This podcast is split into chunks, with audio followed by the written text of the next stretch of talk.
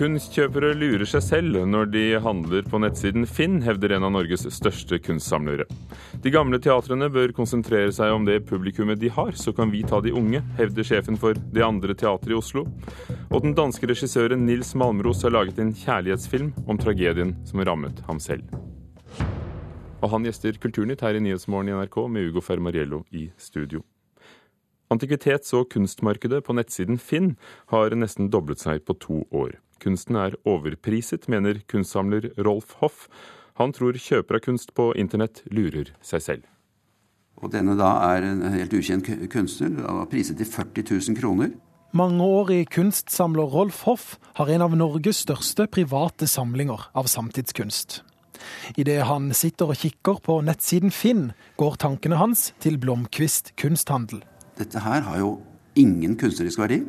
40 eh, 000 kroner. Altså Hvis du hadde lagt ut dette her på Blomkvist nett, så hadde du kanskje, kanskje de priset det til 2000 kroner, 2000-3000 kroner. Og det er ikke sikkert det blir solgt engang. I fjor ble det lagt ut rundt 57 000 annonser på finn.no innenfor kategorien antikviteter og kunst. Det er nesten en dobling på bare to år. Mesteparten av annonsene var innen kategorien antikviteter, men over 12 000 var annonser der noen ville selge kunst, som malerier, skisser, litografier og plakater. Noe brukt, noe nytt. Altså dette her er jo det er loppemarked. Hoff mener at det raskt voksende antikvitet- og kunstmarkedet på Finn er svært overpriset. Det er bare, stort sett bare skrap. Men er det grunn til å tro at uh, folk som kjøper kunst på Finn, blir lurt?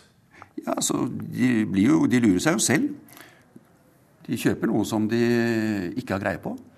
Ja, for det første så er det jo de som annonserer en vare, eller en, eller en, kunstgjenstand i dette tilfellet, som bestemmer prisen. Så vi har jo ikke noe mulighet for å påvirke det på noen som helst måte. Det er helt opp til hver enkelt person og hva, hva man ønsker å selge en, en ting til. Sier kommunikasjonsrådgiver i Finn, Henrik Faller. Eh, og Derfor skal man ha eh, tunga rett i munnen og gjøre litt, eh, gjøre litt forundersøkelser.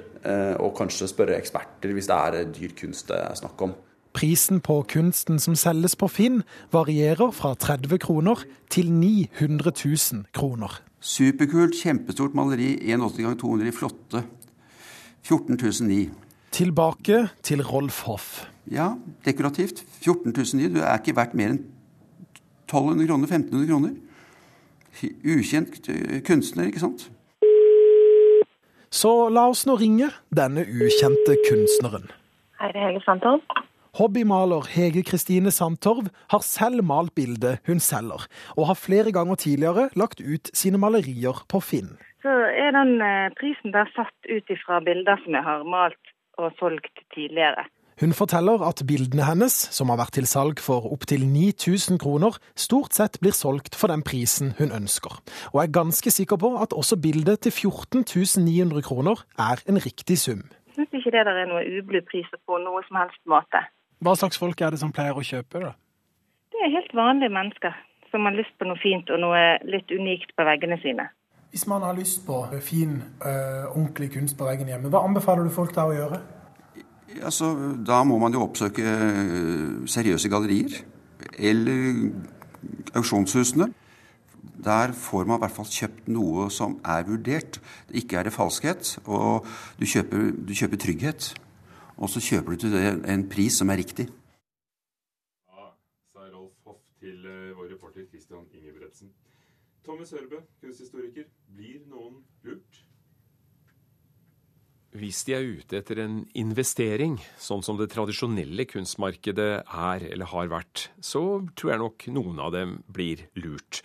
For det er åpenbart en del svindlere der ute som, eh, som kommer med forfalskninger og, og med halvsannheter og bilder som i det profesjonelle kunstmarkedet ikke hadde holdt. Men mitt inntrykk er jo at veldig mange er ute etter å eh, ha et pent bilde over sofaen. Rett og slett fordi de liker det. Og det er jo kanskje litt røpende da, for eh, det profesjonelle, tradisjonelle kunstmarkedet at de der i gården også kaller det å bli lurt. Eh, er man villig til å betale 15 000-20 000 kroner for noen vakre farver, litt sånn halvabstrakte ting som åpenbart er malt av amatører, ja, så betaler man jo for det man får. Rett og slett fordi man liker det. Så da går det kanskje ikke an å si at prisen er høy eller lav? Altså, Jeg syns jo den er høy i forhold til det jeg ser som kunsthistoriker når det gjelder kvalitet. Men hvis du er ute etter noe du bare rent personlig liker, uten å diskutere noe mer frem og tilbake, så er villig til å betale det for det, og, og faktisk får solgt uh, kunsten din for det, ja, så kan ikke jeg se at det verken moralsk eller uh, juridisk er noe galt i å gjøre det. Dobbelt så mange selger og kjøper kunst på Finn som for um, bare litt under tre år siden. Hva er din forklaring på det? Ja, nå har det jo vært en generell økning på eh, Finn, så vidt jeg skjønner. Og så er det vel også det at folk har generelt bedre råd, de er mer opptatt av kunst. Jeg tror veldig mange ønsker å realisere seg selv. Det er knytta til terapi, eh, hobbyvirksomhet, vi har lange pensjonsaldre, vi er friske lenger osv. Det er mange faktorer, faktorer som gjør at, eh, at dette med interesse for kunst, og derigjennom også kunstsalg, har tatt helt av. Men vi snakker jo om flere forskjellige ting. For vi snakker om uh, salg av ukjente kunstnere, vi snakker om kjente kunstnere uh, og, og, hva de eventuelt skal eller ikke skal være verdt. Og vi snakker om salg av gamle kunstnere. Er det ikke alltid risikabelt pengemessig å kjøpe kunst, for du vet ikke hva den er verdt neste gang du selger den? Selvfølgelig er det det. Hvis det er en investering du er ute etter, da vil det alltid være en risiko, risiko i det. Fordi eh, vi, vi, hører jo veldig ofte om kunstnere som var ukjente da de levde, men som så etterpå har fått eh, et verdensnavn. Og så tenker man å søren at vi ikke kjøpte noe av hun eller han. Eh, den andre veien hører vi jo veldig sjelden noe om, nemlig alle de som var geniale da de levde, og som vi i ettertid overhodet ikke hører noe om, er helt glemt. og som ikke du får eh, noen penger igjen for i det hele tatt. Betyr det at nettopp auksjonshusene og de tradisjonelle kunstgalleriene får en annen rolle? Det kan være, og det slår meg jo det at de tradisjonelle salgskanalene for kunst får litt bakoversveis når de nå ser hvilken virkelighet de møter inne på Finn, nemlig mennesker som kjøper noe bare fordi de liker det, og, ikke, det ba og ikke bare fordi det er knytta til sosial prestisje og som en markør for hvem du ønsker å være. Takk skal du ha, kunsthistoriker Tommy Sørbø.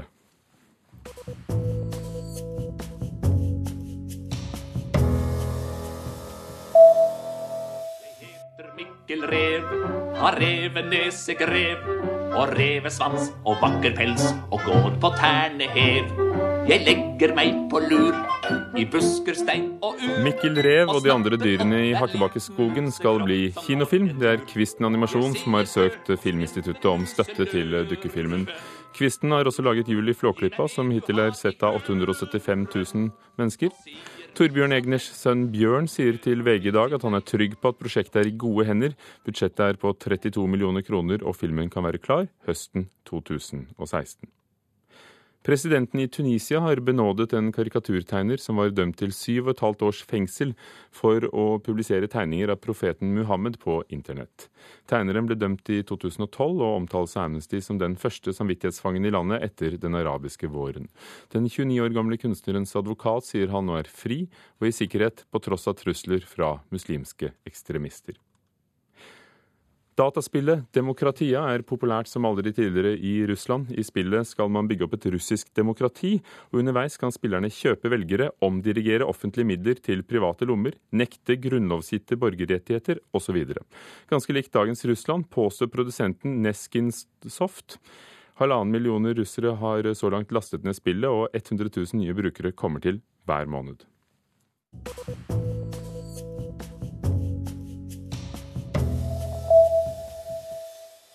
Mens Teater-Norge ellers sliter med å tiltrekke seg unge publikummere, strømmer nettopp unge til det andre teatret i Oslo.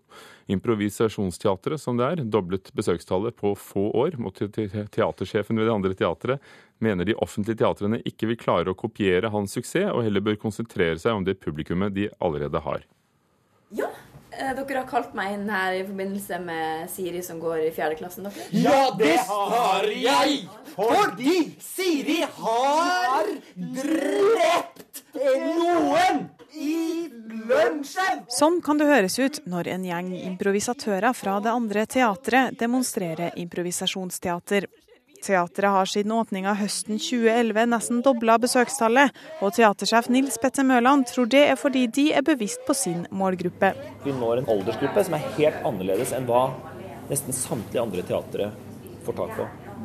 med våre salgstall i fjor, så er vi like store som et, et lite regionsteater i Norge. Det andre teatret har i all hovedsak unge besøkende. De tiltrekker seg dermed et publikum som er ettertrakta hos tradisjonelle teatre. Likevel viser tall fra Statistisk sentralbyrå at færre unge drar på teater nå enn tidligere. Av Nationaltheatrets gjester er 40% over 50 år. Mørland mener teatret må velge hvilken aldersgruppe de skal nå. Så mange snakker om at de har lyst til å nå et yngre publikum.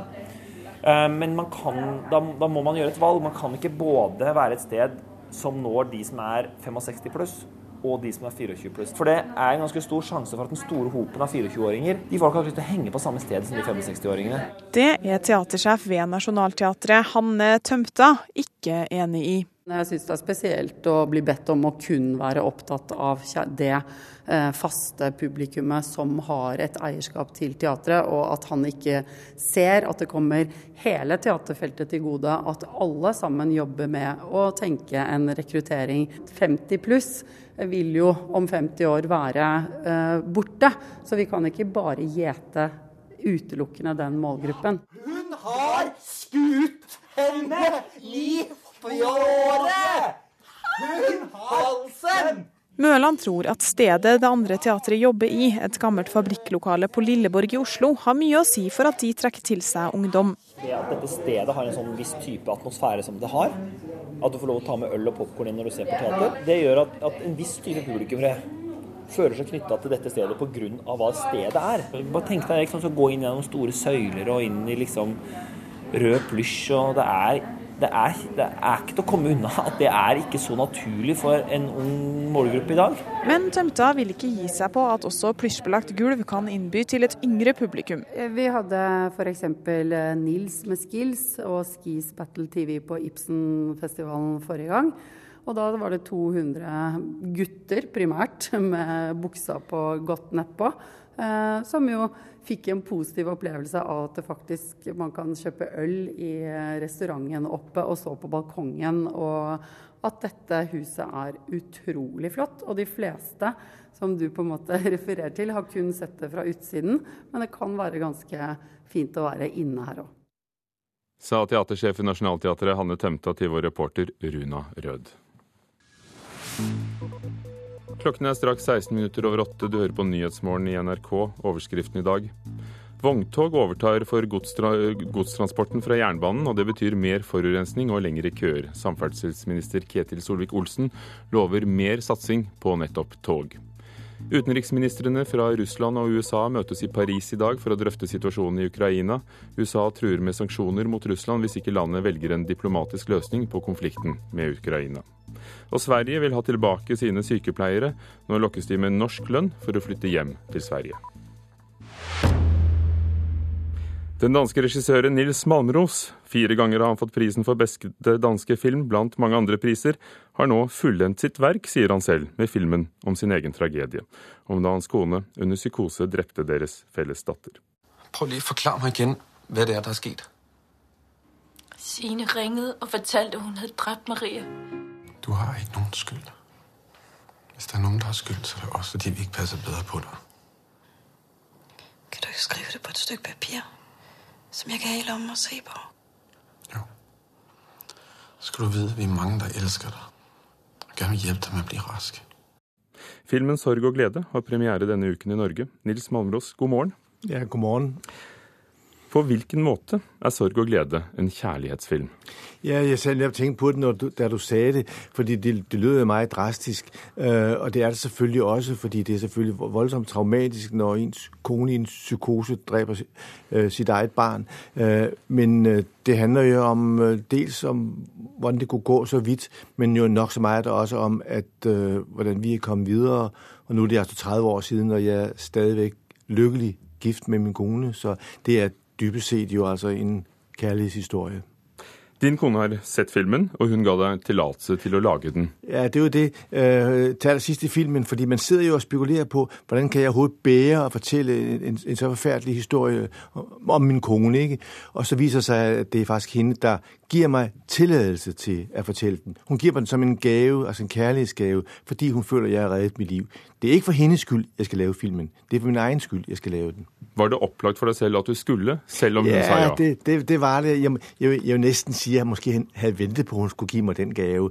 Fordi øh, jeg har lavet en lang række film, som alle sammen handler om meg selv. Altså, jeg har lavet jo en slags øh, filmisk pendant til På sporet af den tabte tid, den berømte roman af Marcel Proust, øh, selvfølgelig på mit liv. Og øh, de alle sammen handler om ulykkelig kærlighed i, i underskolen og i mellemskolen og i gymnasiet.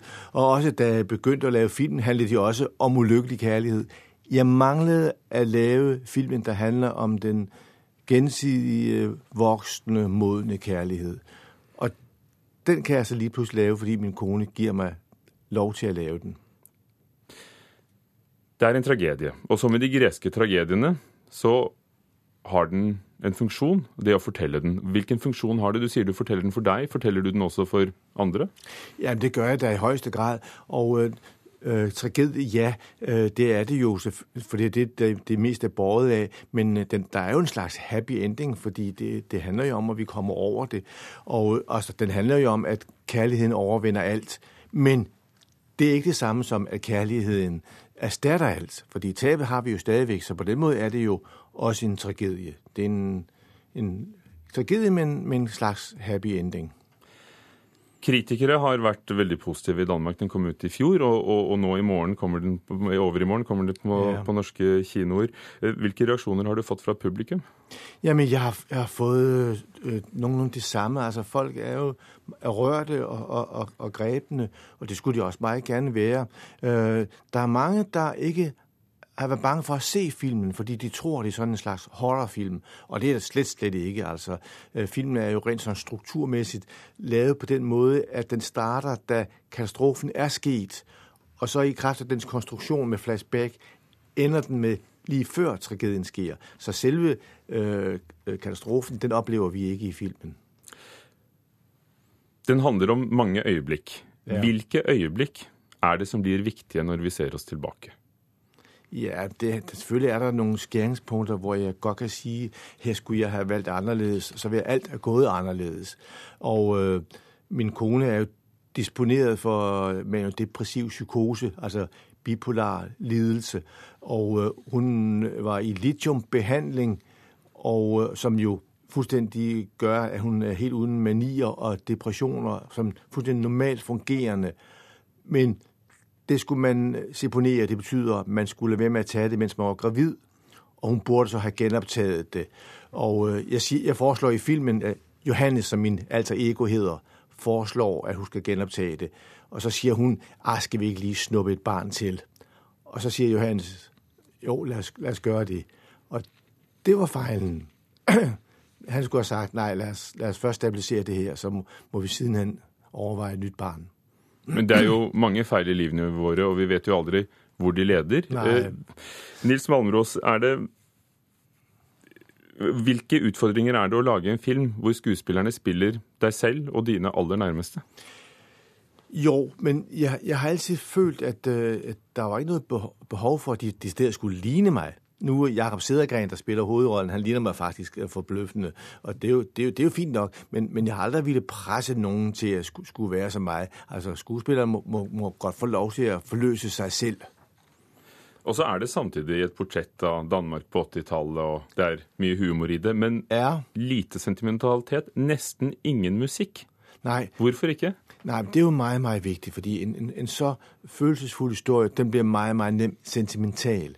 Så derfor har jeg ingen filmmusik. Der er noget musik en, gang, en gang imellem, det her incidental musik. Det vil sige musik, som har en forklaring. Og det virker så meget desto stærkere, når det så endelig kommer. Nils Malmros, du sier du har fullendt ditt verk, men ser du likevel på nye filmer? Nej, jeg har, for øjeblikket er mit hoved fuldstændig tom, så det er den sidste film. Det har sagt før. Takk for at du kom til Kulturnytt. Sorg og glede av premiere denne uken i Norge.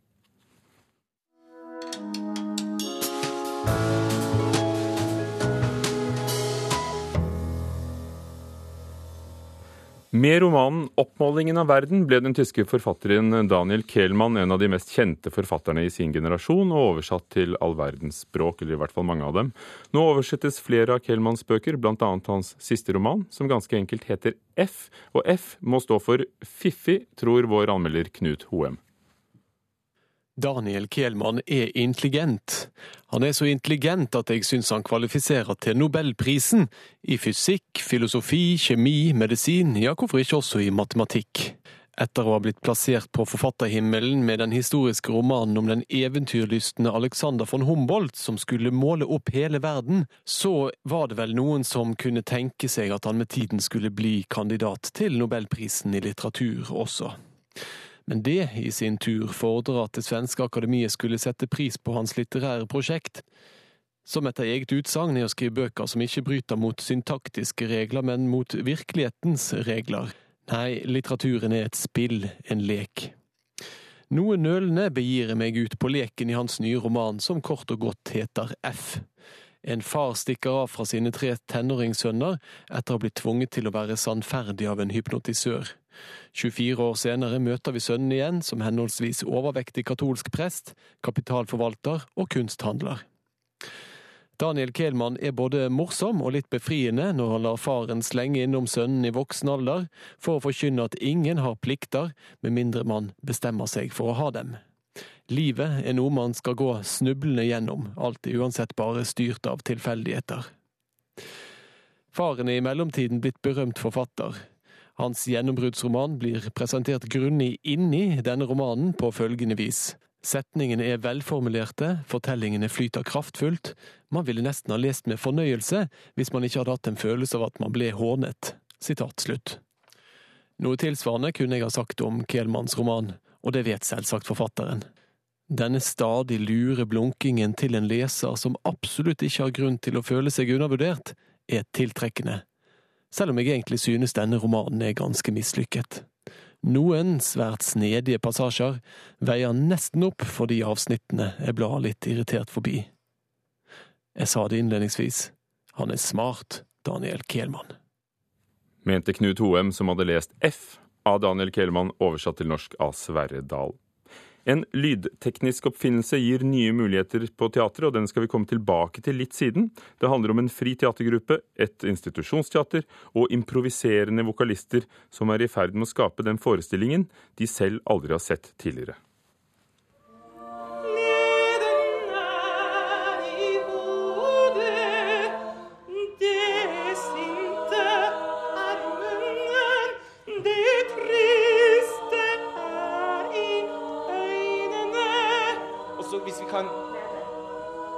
Hvor raskt går det an å gå med den, egentlig?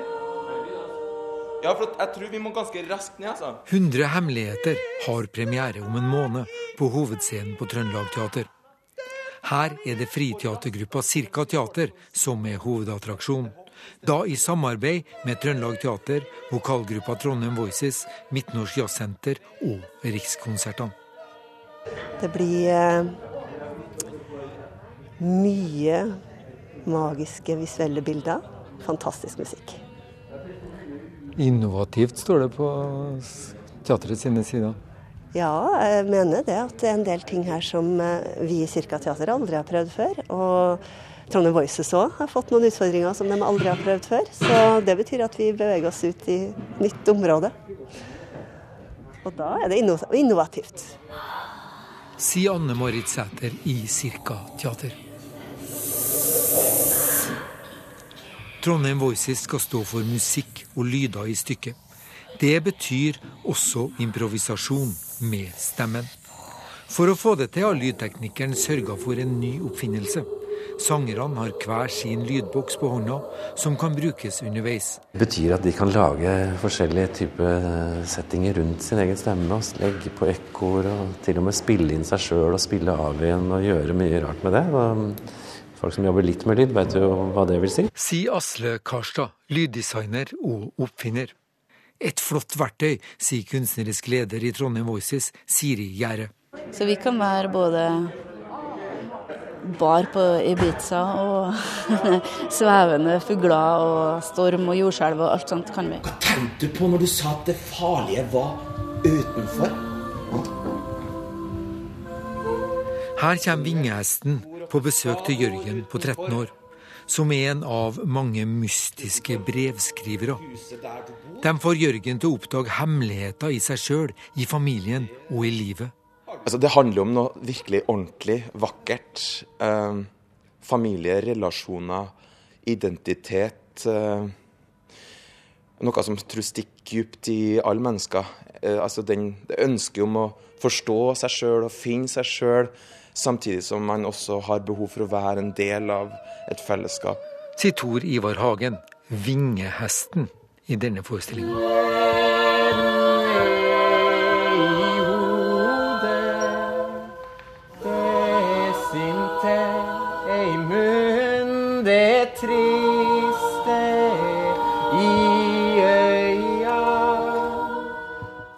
Fra Trøndelag Teater, der Lars-Erik Skjærseth var vår reporter.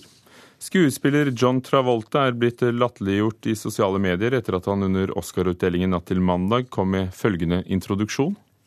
Here to perform the Oscar-nominated, gorgeously empowering song "Let It Go" from the Oscar-winning animated movie Frozen. Please welcome the wickedly talented one and only Adele Dazim. Applausen til tross, problemet var at sangeren av den Oscar-vinnende sangen Let It Go heter Idina Menzel, og ikke som Travolta mumlet Adele Dazim. I tillegg til latterliggjøringen i sosiale medier er det også blitt laget en egen tulleapp, en program til smarttelefon, der du kan høre hvordan Travolta ville uttalt ditt navn. Skuespilleren tar imidlertid nå til motmæle og ber folk lære av sangen han introduserte, og som den heter Let It Go. Det var det siste i Kulturnytt, som var ved Hilde Tosterud, teknisk ansvarlig, Gjermund Jappé, produsent, Ugo Fermariello, programleder. Dette er Nyhetsmorgen. Klokken er straks halv ni.